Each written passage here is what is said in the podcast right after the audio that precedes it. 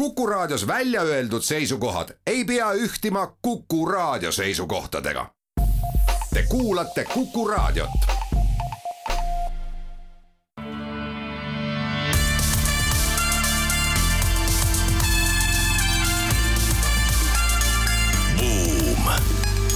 buumile annab hoogu SEB Pank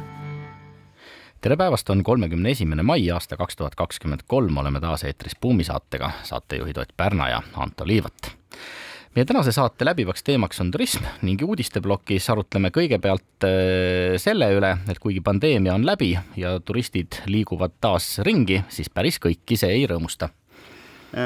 leidsime ka mulle ühe südamelähedase turismiuudise, nimelt on siis seiklushimulised turistid ka lisaks niisama linnas nagu möllamisele hakanud armastama ka lihtsalt jalutada ringi ja ühe, ja üha pikematel distantsidel. Samas need, kes soovivad tõeliselt kõrgelt lennata, lendavad hoopistükkis äh, kosmosesse ning äh, Virginil on selles valguses põnevaid uudiseid juhtimisteemadel meil on üks selline natuke vastuoluline teema, et kuidas ühelt poolt vältida läbipõlemist, aga teiselt poolt hoiduda töö juures igavlemisest.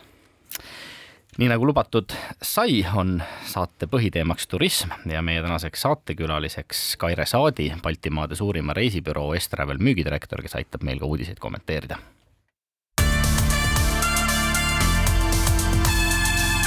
Boom. Pandeemia on läbi, turistid paljudes riikides tagasi, ennekõike seal, kus neile ikka meeldib käia. samal ajal äh, on inimolemus selline, et äh, asjad kiputakse suhteliselt kiiresti ära unustama ja nüüd, kui äh, vahepeal Covid pandeemia aegsel perioodil oli paljudes turismimekades vaikus, on nüüd turistid sinna tagasi tee leidnud, noh näiteks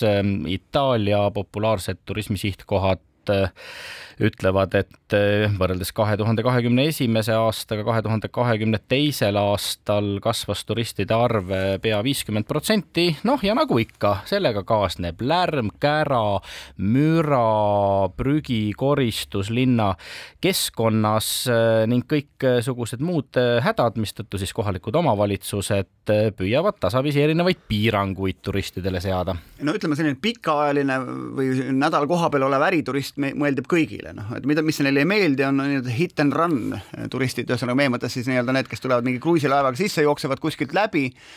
tekitavad hulga kulu, ehk siis prügi, mingeid tualette on vaja, keegi politsei peab vaatama, et neid tühjaks ei varastata ja nii edasi, aga tegelikult nad raha maha ei jäta. ehk siis sellist turisti tegelikult rihitakse või teda väga ei oodata. ja noh, siin arutletakse erinevate teemade üle, et kas siis eh, ma ei tea, Veneetsias näiteks siselinna või noh, linna südamesse tulemise, tulemine kuidagipidi maksustada, on ju, noh, ma tean, Veneetsias enam San Marco väljakule kruiisilaevaga ligidale ei saa, et sa pead ikkagi kaugemalt kuskilt tulema sinna linna südamesse, on ju. et arusaadav, kui sa võtad ja noh, eks seal on teisi kõrvalasju ka, et kui kui vaadata, noh, ma ei tea,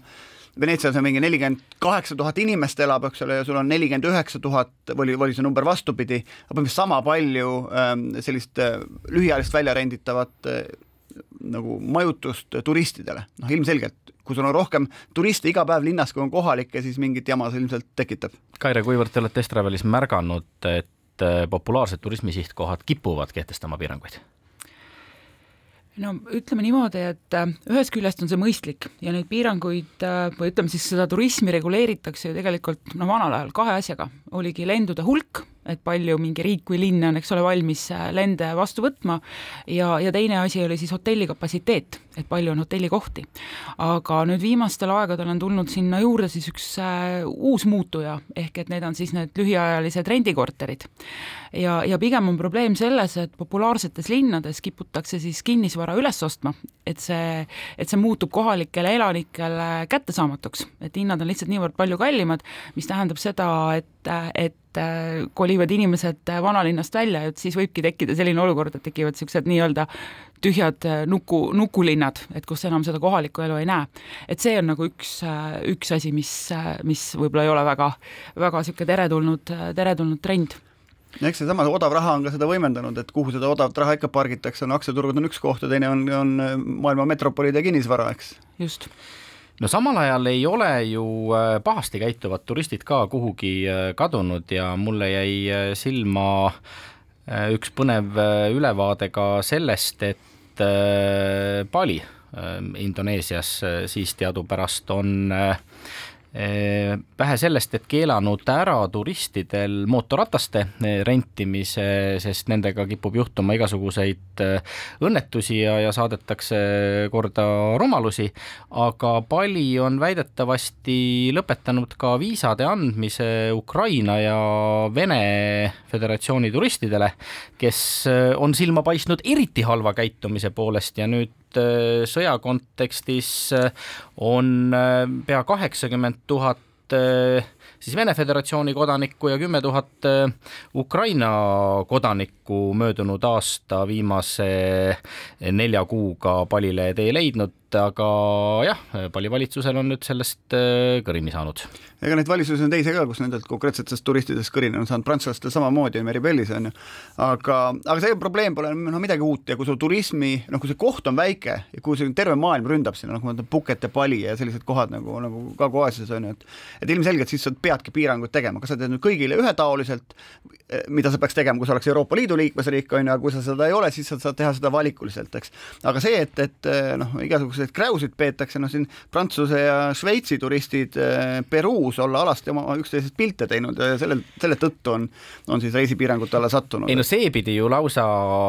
kõva trend sotsiaalmeedias äh, olema, et äh, inkade pühas linnas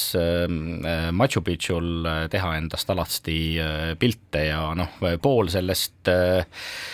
naudingust on muidugi see, et eh, kas turvamehed saavad kätte või ei saa kätte või, eh, või millal saavad kätte ja mis edasi. no ja, ja vaata, täna on sotsiaalmeedia andnud ikkagi igasuguste rumalatele inimestele nagu meedia kõlapinda on ju, mida, mida rumalam üldiselt noh, selline situatsioon, seda, seda suurem jagamine, et, et. Eh. aga Kaire Blumberg räägib ka sellest, et inimestele meeldib üha enam jalutada, seda väidetavasti siis nii Ameerika turistidele kui ka Euroopa turistidele ja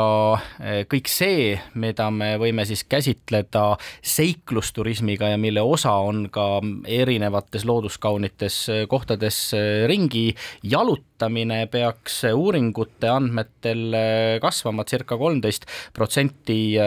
aastas ja, ja, ja on igati atraktiivne selline turunišš, olen ma õigesti aru saanud? täitsa õige ja ma pean ütlema ausalt öeldes ka oma viimase aja reisikogemustest, et, et selline matkamine, looduses ringi käimine, et see on see on väga-väga-väga kihvt ja tore ja, ja väga hea alternatiiv lihtsalt niisama rannas passimisele, et, et näiteks eelmise suve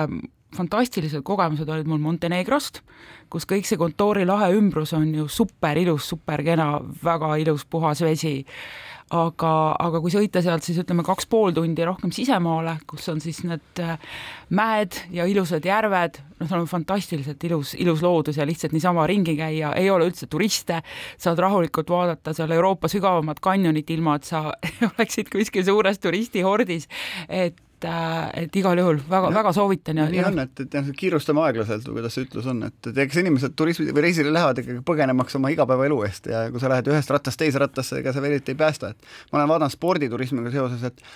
üldiselt, kui sa lähed kuhugile midagi tegema, üks asi on see võistlus ise, on ju, aga see eelmäng ennem seda ja järelmäng pärast seda, et see on ka oluline. et võta seda aega rohkem, kui sa sinna juba lähed ja naudi kogu seda melu ka, mitte ainult seda siis võistlust, et poodiumile sul niikuinii asja ei ole. Ja põhjalikud uuringuandmed muidugi osundavad ka sellele, et et äh, seiklusturism ei äh, pea jah, tõesti olema midagi ilmtingimata pingutust nõudvat, ei pea minema triatlonile nagu Ott läheb või, äh, või Rogaini tegema, aga, aga suurtel turgudel segmenteeritakse väga täpselt ära, kellele mida ja mis tüüpi siis seiklusturismi on mõistlik pakkuda ning põnev on näha, et et, et noh, ei ole ainult noorte vihaste sportlaste ja, ja väsinud vanainimeste jaoks ringi jalutamine mul kaheksandas klassis õppiv tüdruk, tütar Romi eile ütles, mis koolis teed, ütles, ma, koolis andis ülesannet teha selline essee Minu unistuste reis. ma küsin, kuhu sa siis tegid, luges ette mulle Horvaatiasse. väga ägedalt kirjutas eh, riigist, tema linnadest ja kohtadest, kus ta kunagi käinud ei ole aga ta ei kirjutanud Londonist või New Yorgist või mingist sellisest metropolist, ta kirjutas Horvaatiast. kuulame aga nüüd ära kaubanduslikud teadaanded ning seejärel jätkame.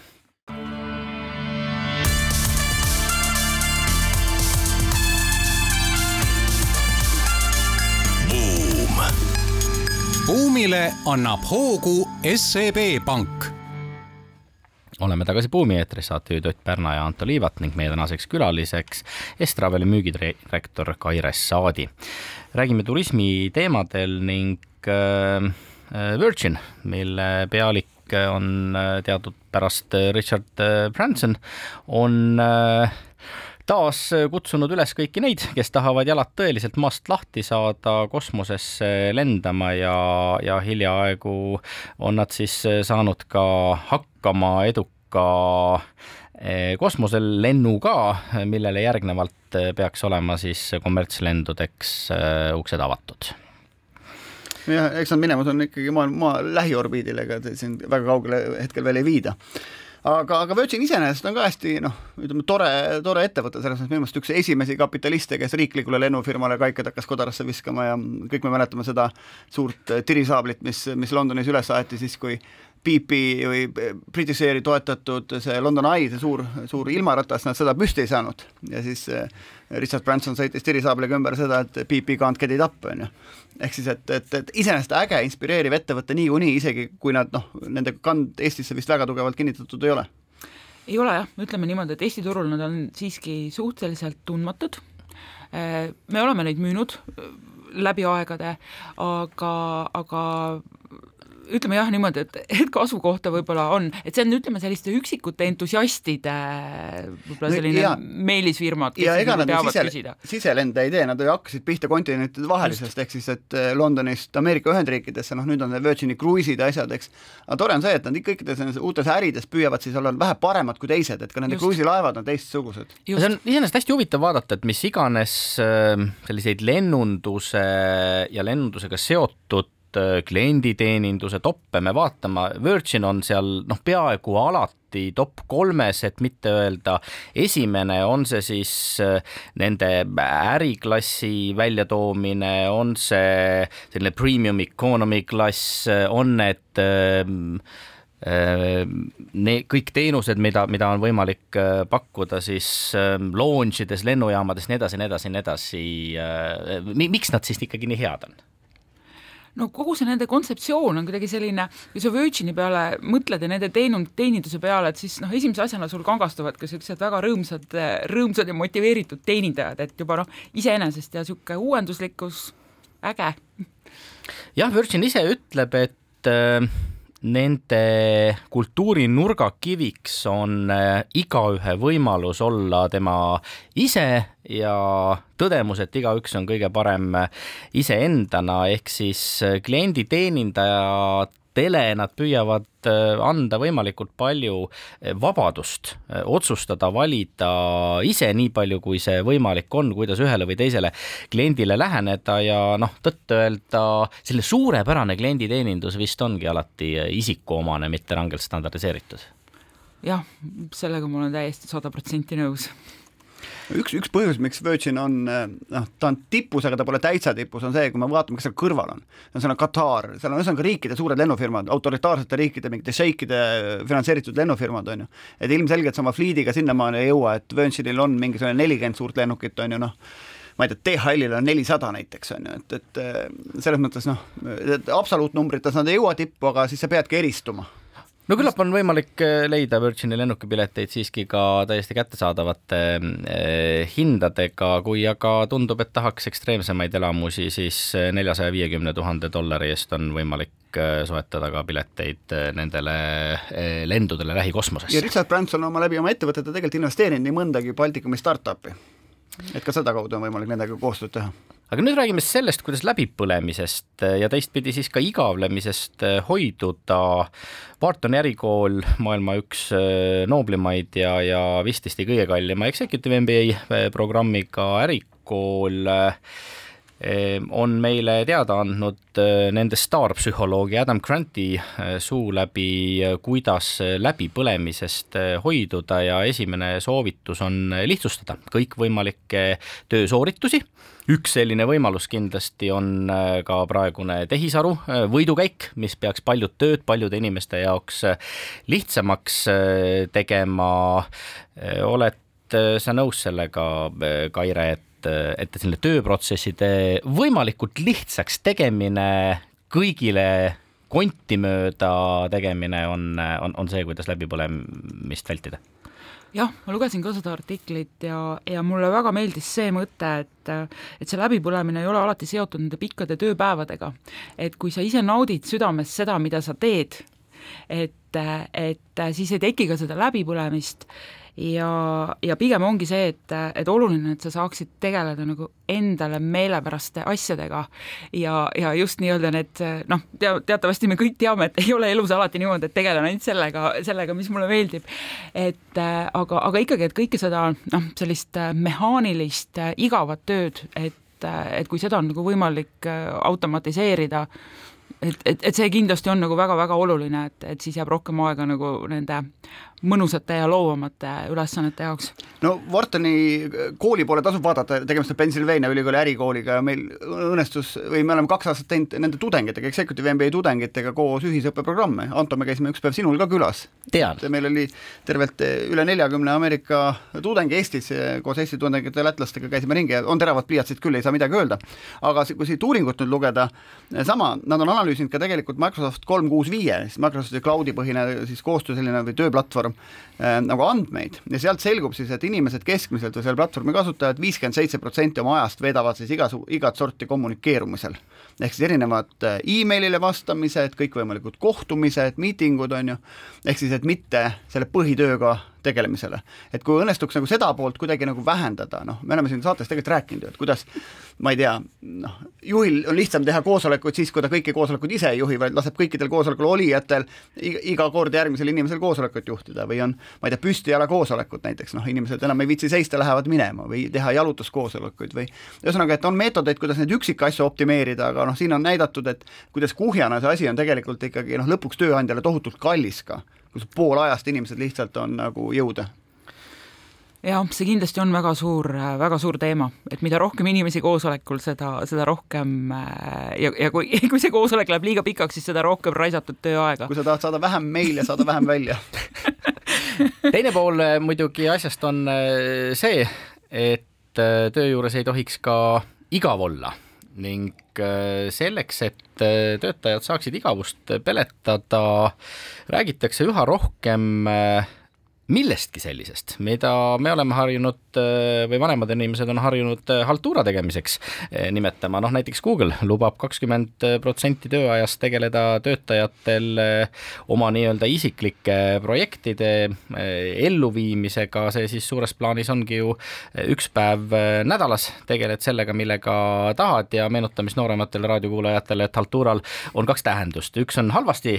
teostatud töö, mille tulemus ei rahulda tellijat, mis iseenesest iseenesest võib olla õige ka kaasaegses kontekstis, ehk palju tehnoloogiaettevõtetes ju ka eksperimenteeritakse, katsetatakse ja nendest projektidest tihtipeale ei pruugi midagi tulla, aga teiselt poolt siis jah, Altura on ka selline tööots, mida tehakse enda otstarbeks või nii-öelda mitteametliku täiendava töötasu saamiseks, ehk kas see tõenäoliselt on okei okay,, sest inimesed õpivad selle kaudu midagi olulist? jaa, aga mõni nädal tagasi oli ETV-s järjekordselt Kesk ja rõõmud selline film, on ju, seal me näitasime, kuidas tehti Alturat ehk siis see roostevaba grill tehti tegelikult tööandja materjalist, tööandja ajal ja tööandja pinkides valmis. et sedasorti nõukaaegne Altura on juba selline kaheldav, aga samas kontoritöötajal on laptop ja, ja see ja taburett või tool on ju, et ega need on tal jätkuvalt tööandja omad ja see, et tööandja annab aega, sellega ta tegelikult võidab seda, et kui me teame, üks kolmandik täna praktiliselt kõikidest töötajatest on freelancer'id, nad töötavad mitme asja kallal ja kui sa nüüd tahad neid tegelikult enda juures hoida, siis kasulik on otsast seda võimalust anda, las ta siis tegeleb enda hobidega või mõne projekti või konsultatsioonitööga. ehk siis Kaire, kuidas on, palju Estraveli töötajad saavad tegeleda oma isiklike asjadega tööajast? see on nüüd väga intrigeeriv, intrigeeriv äh, küsimus. ütleme siis niimoodi, pandeemia ajal oli äh, meie töötajatel äh, võimalus, siis ei olnud muud optsionit, kui tuli leida omale teine töökoht et ellu jääda. mis oli neile väga õpetlik, sest äh, väga paljud meie inimesed siis äh, lisaks turismile töötasid näiteks tervishoiu valdkonnas. Äh, kindlasti väga silmi avav kogemus näha, näha asju hoopis teisest, teisest perspektiivist. aga ütlen nii, et niipea, kui see turism taastuma hakkas, siis ikkagi selline kahel kohal töötamine noh, väga ket-, väga pikalt kesta ei saanud, sest et see põletab omakorda läbi, kui, kui läheb see koormus liiga suureks ja, ja ikka sealt ühelt alalt teisele, teisele hüppamine. aga mida meie oleme üritanud teha pikka aega läbi, läbi aastate on olnud see, et, et kõikvõimalikud õppereisid, viia oma inimesi äh, välja kontorist erinevatesse maailma nurkadesse, et, et saada kogemus siis erinevatest riikidest, erinevatest toodetest ja, ja läbi selle siis panna, panna neid nagu mõtlema elule ja asjadele, et jah, see on ka midagi, mida akadeemilises maailmas äh, tehakse ja, ja, ja toetatakse hoolega, et inimesed äh, käiksid äh, ringi ja, ja õpiksid teistelt, vahetaksid kogemusi, aga kuulame nüüd taas ära kaubanduslikud teadaanded ning seejärel jätkame.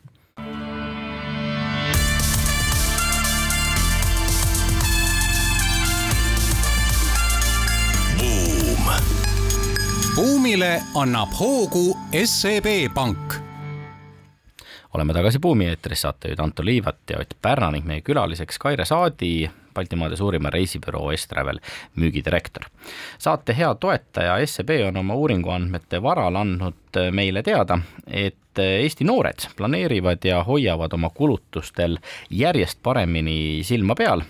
vaid kaks protsenti noortest ei planeeri oma igakuiseid äh, kulutusi ja tunnevad äh, seetõttu tihtipeale rahanappust, aga kolmandik noortest jälgib oma eelarvet iganädalaselt nelikümmend protsenti igakuiselt ja kümnendik siis kord poole aasta jooksul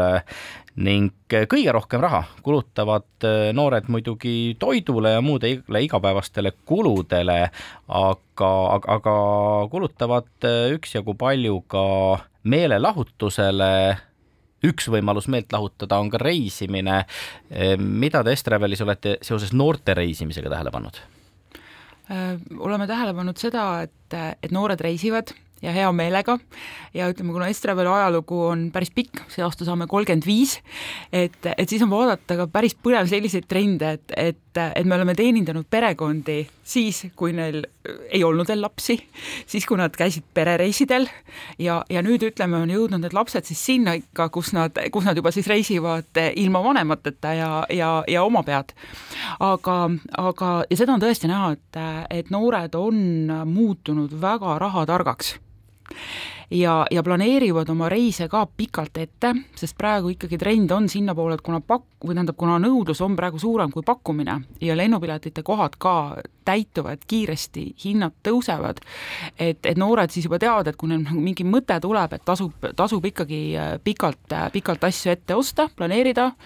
ja, ja kõik ka need kohapealsed asjad äh, noh, võib-olla mitte seal päris viimasele hetkele jätta, et, et ikkagi läbi mõelda kõik oma marsruudid, majutused, asjad. see ongi huvitav, et inimeste tarbimisharjumused elukaare vältel muutuvad oluliselt, et kui kaheksateist kuni üheksateist aastased Äh, noored, nelikümmend üks protsenti neist pidas kõige suuremaks kuluallikaks meelelahutust ning kolmkümmend viis protsenti pidas kõige suuremaks kuluallikaks riideid, jalatseid ja aksessuaare, siis mõned aastad hiljem vanusevahemikus kakskümmend viis kuni kakskümmend üheksa aastat ainult kuusteist protsenti vastajatest ütles, et meelelahutusele kulub kõige enam ja, ja vaid üheksa protsenti oli neid, kes ütlevad, et riietele ja jalatsitele kulub kõige enam, ehk siis niipea kui omaette elama kolid, siis vaatad rahaasjadele ka ja kuludele mõneti teise pilgu? no ma arvan, ühelt poolt see on üleüldine Eesti elatustase võrreldes ütleme Lääne-Euroopaga, hinnatasemel seesamas kus Lääne-Euroopas, aga sissetulekud on väikesemad ja me teame, kui me võtame üleüldiselt Eesti populatsiooni, siis ütleme, tarbekaubad, toidukaubad, nende osakaal meie igapäevastes kulutustes või kuuses eelarves on, on kõvasti suurem kui rikastes Euroopa riikides, ehk siis see peegeldab ka laste puhul. aga minu meelest, mis on tegelikult oluline, on on võib-olla see, et, et, et kuidagi, et ühesõnaga ka optimeerida ka seda reisimise asja, et reisida mitte ainult reisimise pärast või sellesama, ma ei tea, mingi turismi sihtkoha pärast, vaid teha seda siis mõne vahva tegevusega koos, no Anto kohe hakkab mind narrima, kui ma ütlen, et et võiks ju jooksumaratonil vahepeal ära käia või midagi, et aga aga ühesõnaga kas või ma ei tea, vabatahtlikuks käimisel, mõnel võistlusel või käiakse igasugustes teises valdkondades samamoodi, et et see on selline aktiivne puhkus, et sa võid minna siis vaadata kuskil seda lõvi, aga sa võid ka tegelikult kuskil noh, mingisuguses rahvuspargis, aga sa võid aktiivselt kuskil mingisuguses eh, ilmategevuses kaasa lüüa, samal ajal saades oma selle turismireisi nagu sellise sellise kogemuse kätte, et, et neid mitmeid asju koos tehes on, on ilmselt see noh, kulutatud raha nagu kõige mõistlikum ja, ja lisaks on sellele öeldakse ju seda, et ära kuluta nagu asjadele, noh, see suur, võidab see, kellel surres kõige rohkem asju, on ju, vaid et kuluta seda raha siis nagu emotsioonidele. ja kui need emotsioonid on juba käes, on siis ära vaata neid emotsioone läbi kaamera, vaata nagu Jaapani turist on ju, et terve elu oled läinud läbi kaamera, et et keegi teine su turismipilte niikuinii näha ei taha, et siis noh, vaata silmadega ringi ja koge ise seda värki ja ma arvan, see on kõige mõistlikum jah, sellega ma olen sada protsenti nõus, et, et seda pildistamise asja tuleks, tuleks vähendada. ma käisin novembris Antarktikas ja, ja loomulikult olin ma totaalses vaimustuses kõikidest nendest erinevatest jäämägedest ja pingviinidest, aga kui ma siis pärast koju jõudsin ja hakkasin oma seda fotoalbumit korrastama, siis see oli tohutu peavalu ja ja siis ma vandusin ka endale, et, et ei, ei enam kunagi, et tuleb selle pildistamisega piiri, piiri pidada, jah. et, et nautida pigem seda, seda olu koha peal noored inimesed on äh, ju ka need, kes äh, veavad uute tehnoloogiate kasutuselevõttu ning äh, aitavad neid juurutada muuhulgas selleks, et äh, ettevõtteid innustada oma ärimudeleid üle vaatama. Ning Booking.com andmetel äh, kolmkümmend kuus protsenti reisijatest juba soovivad siis kuidagi vaadata, kogeda, sealhulgas virtuaalreaalsuse lahenduste läbi neid kohti, kuhu nad Äh, teel on, kuidas selline tehnoloogia areng turismiäri ennekõike mõjutanud on või, või mida teie olete tarbija käitumises äh, tähele pannud teistsugust kui võib-olla kümmekond aastat tagasi mm? -hmm no ma tahaks selle kohta öelda, et, et kogu see turismi areng on seotud olnud tehnoloogiaga nagu tohutult palju. kui ma nüüd teen korraks tagasivaate ajalukku, aastal üheksakümmend kolm, kui ma olin IT-tudeng ja käisime koos oma õppejõududega ühes reisibüroos äh, Lundis, tahtsime osta laevapileteid ja, ja siis, siis näitas õppejõud meile, et vaadake, siin on riiulitel suur hulk raamatuid, mis olid siis vanasti need ABC book'id, kus olid siis lennumiilid kirjas ja selleks, et lennupiletit müüa, pidi tükk aega siis see reisikonsultant arvutama neid miile, kirjutama käsitsi välja lennupiletid ja nii edasi. ja tegelikult sealt peale on kogu see areng ju, ju olnud tehnoloogiaga seotud ja tõesti, praegu oleme siis jõudnud sinna välja, et et, et, et kasutatakse väga palju siis seda tehisintellekti, kõiki, kõikvõimalikke erinevaid chatbot'e, noh, samamoodi kõik see, kõik see virtuaalreaalsus. aga, aga ma tahan öelda seda, et jah, see virtuaalreaalsus on nagu tore ideede, mõtete genereerimiseks, aga, aga see kohapealne asi on alati ikka hulka parem ma olen ka seda, tema neid võrdlusmomente muidugi palju, et aga noh, ma ei tea, ma käisin Thessalonikis mingisuguses vahvas muuseumis, mis oli ka hästi palju sellist te-, noh, tehisintellekti oli sees, et või, või sellist virtuaalreaalsust, on ju, ma ei tea, et ma seda eriti nautinud oleks, sest esiteks see oli kohalikus keeles, on ju, see oli kunagi sinna üles pandud, enam ta polnud võib-olla sellel tasemel, mis sa nagu ootaks kasutajakogemuse mõttes, et et oma silmaga saadud päris kogemus, minna sinna Tate Modernisse Londonis on Themsi ääres ja, ja ja seal ei ole ühtegi tehnoloogilist juppi ja on väga, väga kihvt ainuüksi see keskkond ja pluss siis see kunst, mis seal lisaks on, on ju, Moosa kunstimuuseumiga tegu, eks. no samamoodi ma innustan nagu neid isiklikke turismitrajektoore tegema, et võtke jooksuketsid kaasa, kui olete seitse päeva reisil, saate seitse unikaalset hommikujooksu teha ja te jõuate kohtadesse, kuhu tavaliselt turist ei jõua. Jaa, seda ma pean ka ütlema, et see on, on meie klientide seas ka hästi populaarne, et, et kus iganes ärireisil ollakse, et, et ikkagi spordiriied kaasa hommikul lähimasse parki jooksma, et see annab absoluutselt teise, teise sellise dimensiooni kogemuse aga jookske pargist edasi mujale ka Explodingtopics.com on üks lehekülg, mis erinevate valdkondade trende analüüsib, neil silma peal hoiab ja turismiäri kohta on nad muuhulgas öelnud, et järjest rohkem reisitakse äh, üksinda mm -hmm. ehk selline äh, going alone on, on, on vist väidetavasti väga-väga selge trend. ja see nii huvitav, kui see ei ole, tõesti, see on trend ja, ja seda näeme ka oma koostööpartnerite juures, et näiteks kruiisifirmad reklaamivadki kohe eraldi selliseid soolokruiise, kus inimesed siis käivad äh, üksinda, see võib olla noh, mis iganes põhjusel, et inimesel näiteks puudub äh, parasjagu partner, kellega koos reisile minna, on kruiisifirmade poolt kohe organiseeritud ka, et kui on õhtul tantsuõhtud, et on spetsiaalsed tantsupartnerid, kõik, äh, kõik kõik sellised asjad, aga, aga see on jah, üle maailma näha, näha täitsa. no see põhjus, et inimesed üha enam elavad üksi, linnas on ja. odavam üksi elada, sest sul on väikest korterist piisab, on ju, et, et noh, see ongi üksikute inimestele vastavad teenused tekivad paratamatult just, kaasa. No, no ja üksi reisimine võimaldab üsna hästi ühendada ka tööd ja puhkust. järjest rohkem on neid inimesi, kelle puhul geograafiline asukoht ei ole töö tegemise mõttes enam määrav. näete te seda ka, et püütakse näpistada mõned päevad enne tööreisi algust, pärast tööreisi lõppu selleks, et kuskil sihtkohas kauem aega veeta? jaa, see on olnud juba pikka aega päris, päris populaarne trend ja, ja kui me räägime siin kestlikkusest, jätkusuutlikkusest, kõikidest muudest asjadest, siis on ju see väga mõistlik, et mitte lennata kuskile kohale üheks koosolekuks paariks päevaks, vaid ikkagi, et kui juba lennata, et, et siis võtta ikkagi rohkem aega ja, ja noh, pikem nädalavahetus ja, ja vaadata ka ikka seal kohapealses riigis äh, ringi. aga kuidas tööandjad sellele otsa vaatavad, ma kaks tuhat alguses töötasin Majandusministeeriumis, oli meil pidev jama oli sellega, et inimene, keegi läks kuhugile mingisse lähetusse, siis kas ta läks sinna päev varem kohale või tuli päev hiljem tagasi, A, kas ta päevarahasid saab või ei saa, B, kas ta üldse tohib seda teha või ei tohi, on ju, et see, samas seesama ministeerium peab seda töötajat kuidagi motiveerima ka, et ta seal edasi töötaks, on ju, et kui resoluutselt no, no firmad täna on? no eks see on, firmades on erinevad kokkulepped, aga, aga tavaline asi on see, mis me teeme, on ikkagi see, et me teeme erinevad pakkumised, mis oleks lennupileti hind näiteks siis, kui inimene lendab neljapäeva hommikul kusagile kohale, tuleb reede õhtul tagasi või mis on see lennupilet siis, kui ta tuleb pühapäeva õhtul tagasi, eks ju. kui juba tööandja näeb, et see teine pilet on, on märksa soodsam, miks ta, miks ta peaks seda keelama? kuidas Maksuamet asjale otsa vaatab? Äh, no Maksuamet, seal on ikkagi niimoodi, et, et Estravelis kaasa arvatud, et need päevad, mis jäävad siis nagu komandeeringu kõrvale, et need on ikkagi puhkusepäevad, mitte, mitte nüüd siis ei ole siis komandeeringu pikendus. aga see lennupilet mingisugune erisoodustus ei ole siis? ei okay., kui ta just, just noh, me teenindame ka palju Euroopa institutsio-, institutsioone näiteks ja, ja seal on samamoodi, et alati peab olema võrdlev pakkumine ja, ja kui see, kui see hind on odavam, siis ehk siis oluline ei ole ikkagi see inimene, vaid ikkagi see hind no eks inimene ka, et, et, et muidu oleks üldse lihtne kõik, kõik nagu ära keelata, et milliseid põnevaid äh, muutusi ärimudelites äh, olete te tähele pannud või, või kuivõrd te olete ka Estravelis ümber korraldanud äh, seda, mil määral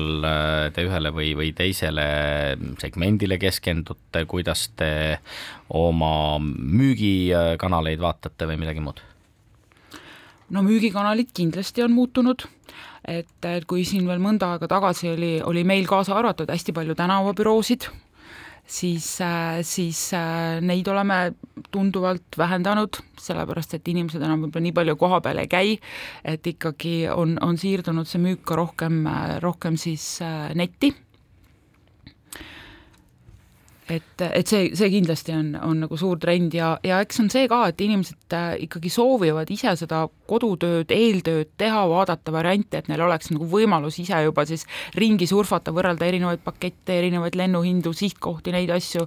Ja, ja siis ka need valikud, et kas ta siis tahab lõpuni oma, oma selle ostu sooritada mm. internetis või ta tahab vahepeal kellegagi nõu pidada. no interneti üks võlu on see, et ta võimaldab meil lahti saada igasugustest vahemeestest, sealhulgas mm -hmm. turismibüroodest, on ju, et, mhm. et otse oma mingid lennud ja hotellid osta, et kuivõrd te näete seda, et inimesed on büroodest lahti öelnud ja läinud otse ostma ja mismoodi on büroode teenus tänu sellele muutunud? Äh, seda, seda kindlasti on, et inimesed tahavad oma lennupileteid osta otse netist et, äh, et siis ma ei tea, saab kiiremini või soodsamalt, aga ma ütleks, äh, noh, see pandeemiaaegne olukord oli väga suur õppetund ja, ja ma ütleks, et ega see olukord nagu selles mõttes ei ole lahenenud, et, et praegu need kõikvõimalikud muudatused lennuplaanides, streigid, kõik need asjad, et kui sa ikkagi ostad internetist ja sul on häda pärast mingi mure, siis sa, sul on variant helistada internetti noh, et kas internet sind aitab või on siis ikkagi sul vaja seda päris inimest, kellega, kellega rääkida ja, ja, ja kelle käest abi saada, et loomulikult äh, ju kõik, kõik erinevad äh, turismifirmad töötavad selle nimel, et, et oleks neil võimalikult head tehnilised lahendused, kaasa arvatud need chatbot'id, asjad, aga olgem ausad, kõik need äh, müügikanalid on ikkagi ju algoritmidega tehtud niimoodi, et nad on keskendunud müügile. ja, ja, ja suures piiris see, mis juhtub pärast, ei, ei, ei huvita nagu kedagi.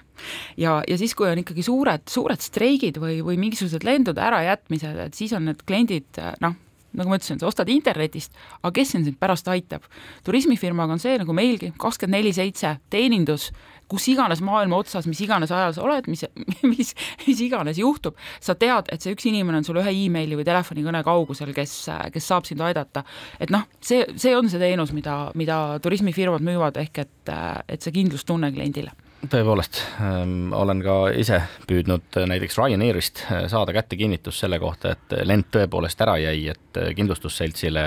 nõutavat infot jagada ja,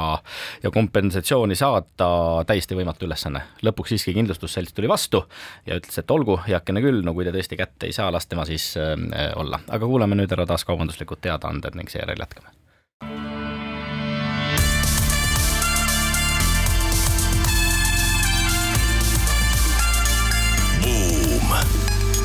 buumile annab hoogu SEB Pank. Oleme tagasi Buumi eetris, saatejuhid Ott Pärna ja Anto Liivat ning meie tänaseks külaliseks Estraveli müügidirektor Kaire Saadi, rääkisime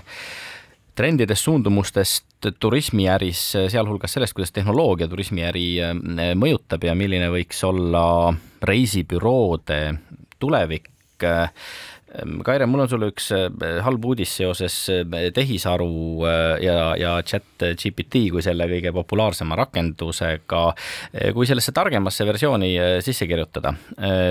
soovin kahele täiskasvanule, kahele selles vanuses lapsele lennukipilet teid Tallinnast otselennuga kuhugi sooja kohta nende kuupäevade vahemikus hinnaga mitte rohkem kui siis üsna adekvaatseid vastuseid saab juba ehk siis milleks ikkagi reisibüroo? ja see on, see on väga huvitav küsimus ja ütlen, et ma testin ka ise igapäevaselt chat GPT-d ja, ja vaatame neid võimalusi. aga, aga ma tahaks ikkagi praegu öelda, et see tehnoloogia tase hetkel veel on selline, kus reisibüroosid on vaja. näiteks ma ükspäev küsisin chat GPT käest, et oleks vaja head programmi Vietnami, et mida ta soovitaks teha chat GPT selle peale soovitas pöörduda Eesti kõige suurema reisibüroo poole. No see on ju suurepärane uudis. See oli tõesti meile suurepärane uudis, aga, aga, aga kui nüüd tõsisemalt rääkida, siis nagu selle chat'iga on, jah, tõesti, ta, ta suudab äh, anda välja väga head informatsiooni aga praegu on seal ikkagi see teema, et sa pead olema ise sellest informatsioonist üle. ehk et kui sa ei ole sada protsenti selles jutus kindel, mida chat GPT sulle ütleb, sa ei ole võimeline seda kontrollima, siis ma ei soovita seda uskuda. minu arust chat GPT on tegelikult hea nagu see sparringupartner, sa Just. kirjutad talle, kirjutad vastu, on ju, sa, väitled temaga, saad enda mõtted nagu selgemalt, psühholoogi amet, ma arvan, ta taandab varsti ära. aga mul üks selline küsimus ka, et, et, et, et täna hommikul me sõpradega Priit Salumäe juhtimisel ähm, sõitsime härra Kalju Kohhiga, härra on kaheksakümmend üks aastat vana, sõitsime tema neljakümne teise Tartu rattaralli aitasime talle läbi sõita virtuaalsõiduna kuuskümmend kilomeetrit Lillepi pargis. härra on kuuekümne ühe aastane, sõitnud läbi kõik äh, Tartu rattarallid. ja siit minu küsimus, et, et kas, kas ja kui vanad inimesed veel reisivad ja kas kuidagi teenused seenioritele on teistsugused, kui nad on kõikidele teistele inimestele? Ja äh, ütleme niimoodi, et vanem generatsioon reisib väga palju. Ja ütleme jälle, kui rääkida nüüd nagu, kuidas see turism läbi aegade on muutunud, siis ütleme siin kakskümmend, kolmkümmend aastat tagasi ma ütleks, et Eestis reisisid põhimõtteliselt noored, sest neil lihtsalt oli tollel hetkel rohkem raha. Aga nüüd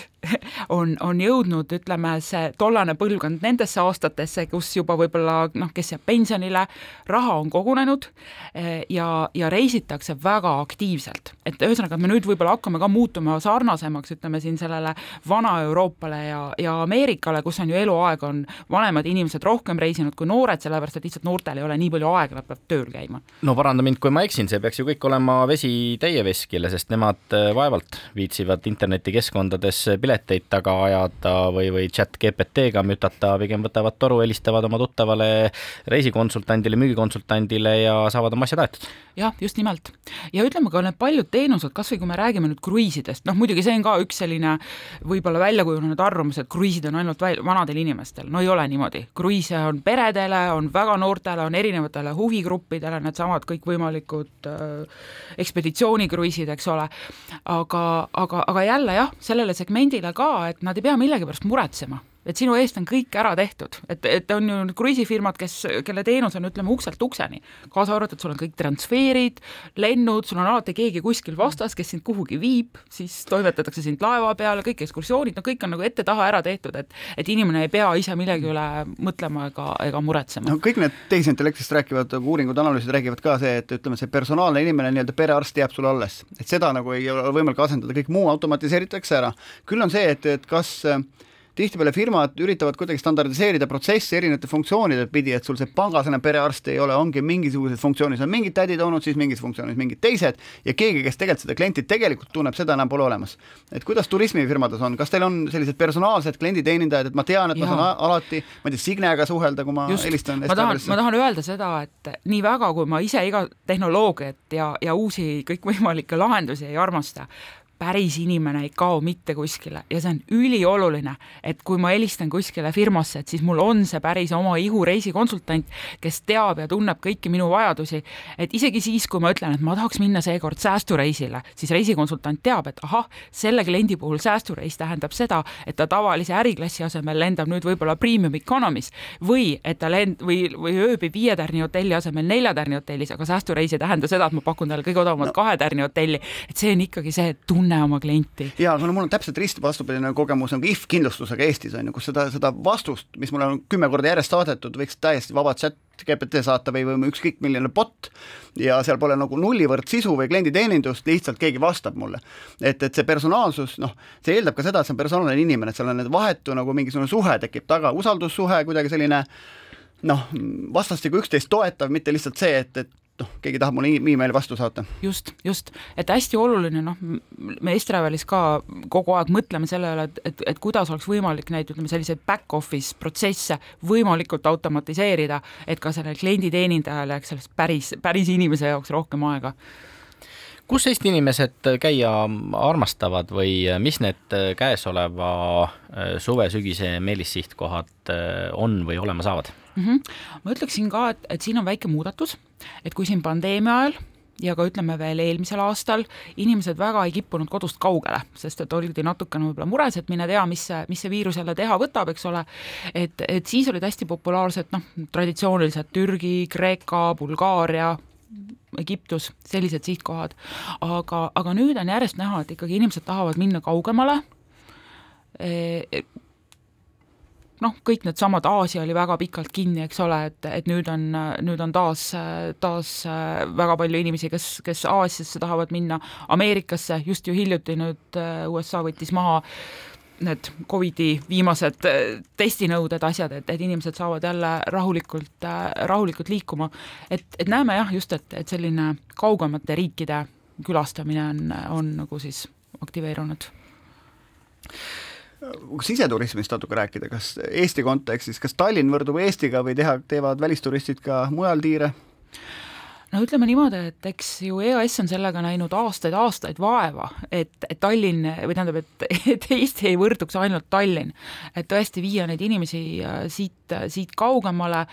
ja, ja ütleme, et see on jär-, noh, ikkagi jätkuvalt selline suur väljakutse, et kuidas ikkagi saada neid turiste ka meie kaugematesse piirkonda, et noh, et kui turistid teavad veel, ütleme, Tartut ja Pärnut ja võib-olla on kuulnud ka midagi meie saartest, aga, aga näiteks Ida-Virumaa või, või seal Kesk-Eesti, Lõuna-Eesti, et see, see on jätkuvalt nagu suur väljakutse. Et aga no ma ei tea, kas, neid... kas mingi laev sealt Sillamäe sadamast käib või kas mõni lennuk äkki Tartusse lendab, ega vist on? no eks selle Tartu, Tartu lennukiga ma tean, et seal oli hange, ma ei ole nüüd päris kursis, kuidas see hange lõppes, aga, aga see on ikkagi see, et noh, et ei piisa sellest, et kui on ainult üks mingisugune lennufirma, mis lendab, ma ei tea, Tartust Helsingisse, et see peab olema ikkagi selline noh, suuremat sorti lennufirma, noh a la on ta siis Finnair või on ta Air Baltic, et just, kes neid jätkuühendusi teeks et, et, et noh, kaugemalt inimesi nagu sama lennufirmaga siis sinna oled sa, varsti nüüd Rail Balticuga Pärnust läbi minema, et oled sa näinud, et pärnakatel sellist diskussiooni, et kuidas siis sellest möödaminevatest turistidest rohkem kasu saada või tekib nagu, nagu ma ei tea, Mäost sõidab või Paidest sõidab Tallinna-Tartu kiirtee mööda, et sellest on Paidele nagu üsna vähe kasu, et, et kuidas Rail Balti ja Pärnuga on? No raske öelda, aga jah, kui me vaatame, mis siin Tartu, Tartu maantee äärsete söögikohtadega on juhtunud või siinsamas Narva maantee ääres, eks ole, et, et, et kindlasti see viib seda elu mööda, et, et eks siis tuleb jälle variante välja mõelda, et kuidas, kuidas neid, kuidas neid kliente üldse sinna Pärnusse pikemaks ajaks kohale saada. Loetud minutite pärast äh, tutvustatakse meile Restoranide ja Hotellide Liidu mõjuanalüüsi äh, siis turismiettevõtete käibemaksumäära muudatuste kohta. Ehm, kuidas teie sellele vaatate ja, ja, ja kui palju see nüüd siis tegelikult ikkagi muudab, kas ühele hotelliööle, mis maksab sada eurot, tuleb nüüd juurde viis või kümme eurot, et on see, on see turismiettevõtete jaoks tõsine väljakutse või on see pigem rohkem selline noh, kuidas me siis ei seisa oma huvide eest võitlus? Mm? -hmm ma ütlen, tähendab, see võib tunduda jah imelik, et noh, mis see viis või kümme eurot ära ei ole, aga mina ütleks niimoodi, et kui me tahame olla konkurentsivõimelised äh, võrreldes meie lähiriikidega, siis peab olema see maksumäär enam-vähem sama. et äh, ja see enam-vähem sama on siis äh, kuskil kümne-viieteist protsendi vahel, mit, pigem mitte viieteist-kahekümne vahel? jah, ütleme niimoodi, et kui ta mujal on üheksa ja, ja meil on kakskümmend kaks, et siis on see vahe juba ikkagi väga, väga halb ja, ja meie kahjuks. ja me, ja, ja kus ma seda nagu näen, on just see, et, et me korraldame päris palju oma klientidele konverentse üle Euroopa ja ka väljaspool Euroopat, erinevates sihtkohtades. ja ütleme, need suured asutused, kes neid konverentse teevad, neil on pikka aega ette kinnitatud eelarve noh, me teame kõik, eks ole, et hinnad igal pool on tõusnud, ehk et neil on järjest raskem see eelarves püsimine. ja nüüd, kui sa teed erinevaid pakkumisi, et noh, näiteks, et konverents kas teha Tallinnas, kas teha Riias, kas teha Vilniuses, siis juba iga see kümme eurot, mis see majutus sul rohkem maksab, hakkab mõjutama seda lõppotsust, et kas nad tulevad nüüd Tallinna oma konverentsi tegema või nad valivad Riia või Vilniuse ja paneme sinna juurde veel need lennuühendused ehk kui on Riiga ikka väga palju mugavam kohale lennata võrreldes Tallinnaga ja siin on see hotell ka veel kallim, no siis juba tekib küsimus, et miks need turistid peaksid tulema? meil saade hakkab lõpule jõudma, üks positiivne küsimus ka võib-olla, et, et Kuku raadio Buumi saatel on väga kirju kuulajaskond, et, et ja suvi on tulemas, et mida te neile soovitate eh, puhkuste plaanimisel, minna Eestisse, Eestist välja ja kuhu? mina soovitan ikka mõlemat, Eestisse ka kindlasti, no mis saab olla parem, kui juulikuus eh, mööda Eestit ringi sõita, nautida kõiki meie neid äh, järvi, seda ilusat loodust, et, et, et, et, et juuli on, on selline tore aeg alati ikkagi sise, siseturismi jaoks. aga kui nüüd rääkida, et kuhu välja minna, siis juba saate alguses ma korra tõin selle Montenegro lauale, et minu isiklik soovitus on Montenegro. ta ei ole veel nii kallis, kui on Horvaatia, kuhu juba turistid on aastaid tee leidnud, et, et kui tahate minna ilusasse toredasse riiki, kus ei ole ka nii väga kallis, siis igal juhul. olen käinud, olen nõus, on tõesti tore riik, suur aitäh, Kaire Saadi, Estraveli müügidirektor, meile saatekülaliseks tulemast meie oleme Buumi saatega eetris juba nädala pärast, siis on külaliseks Allan Remmelkoor, pikaajalise kinnisvara arendamise kogemusega härrasmees ning räägime ärikinnisvara olevikust ja tulevikust. seniks aga ilusat nädala jätku ja kuulmiseni!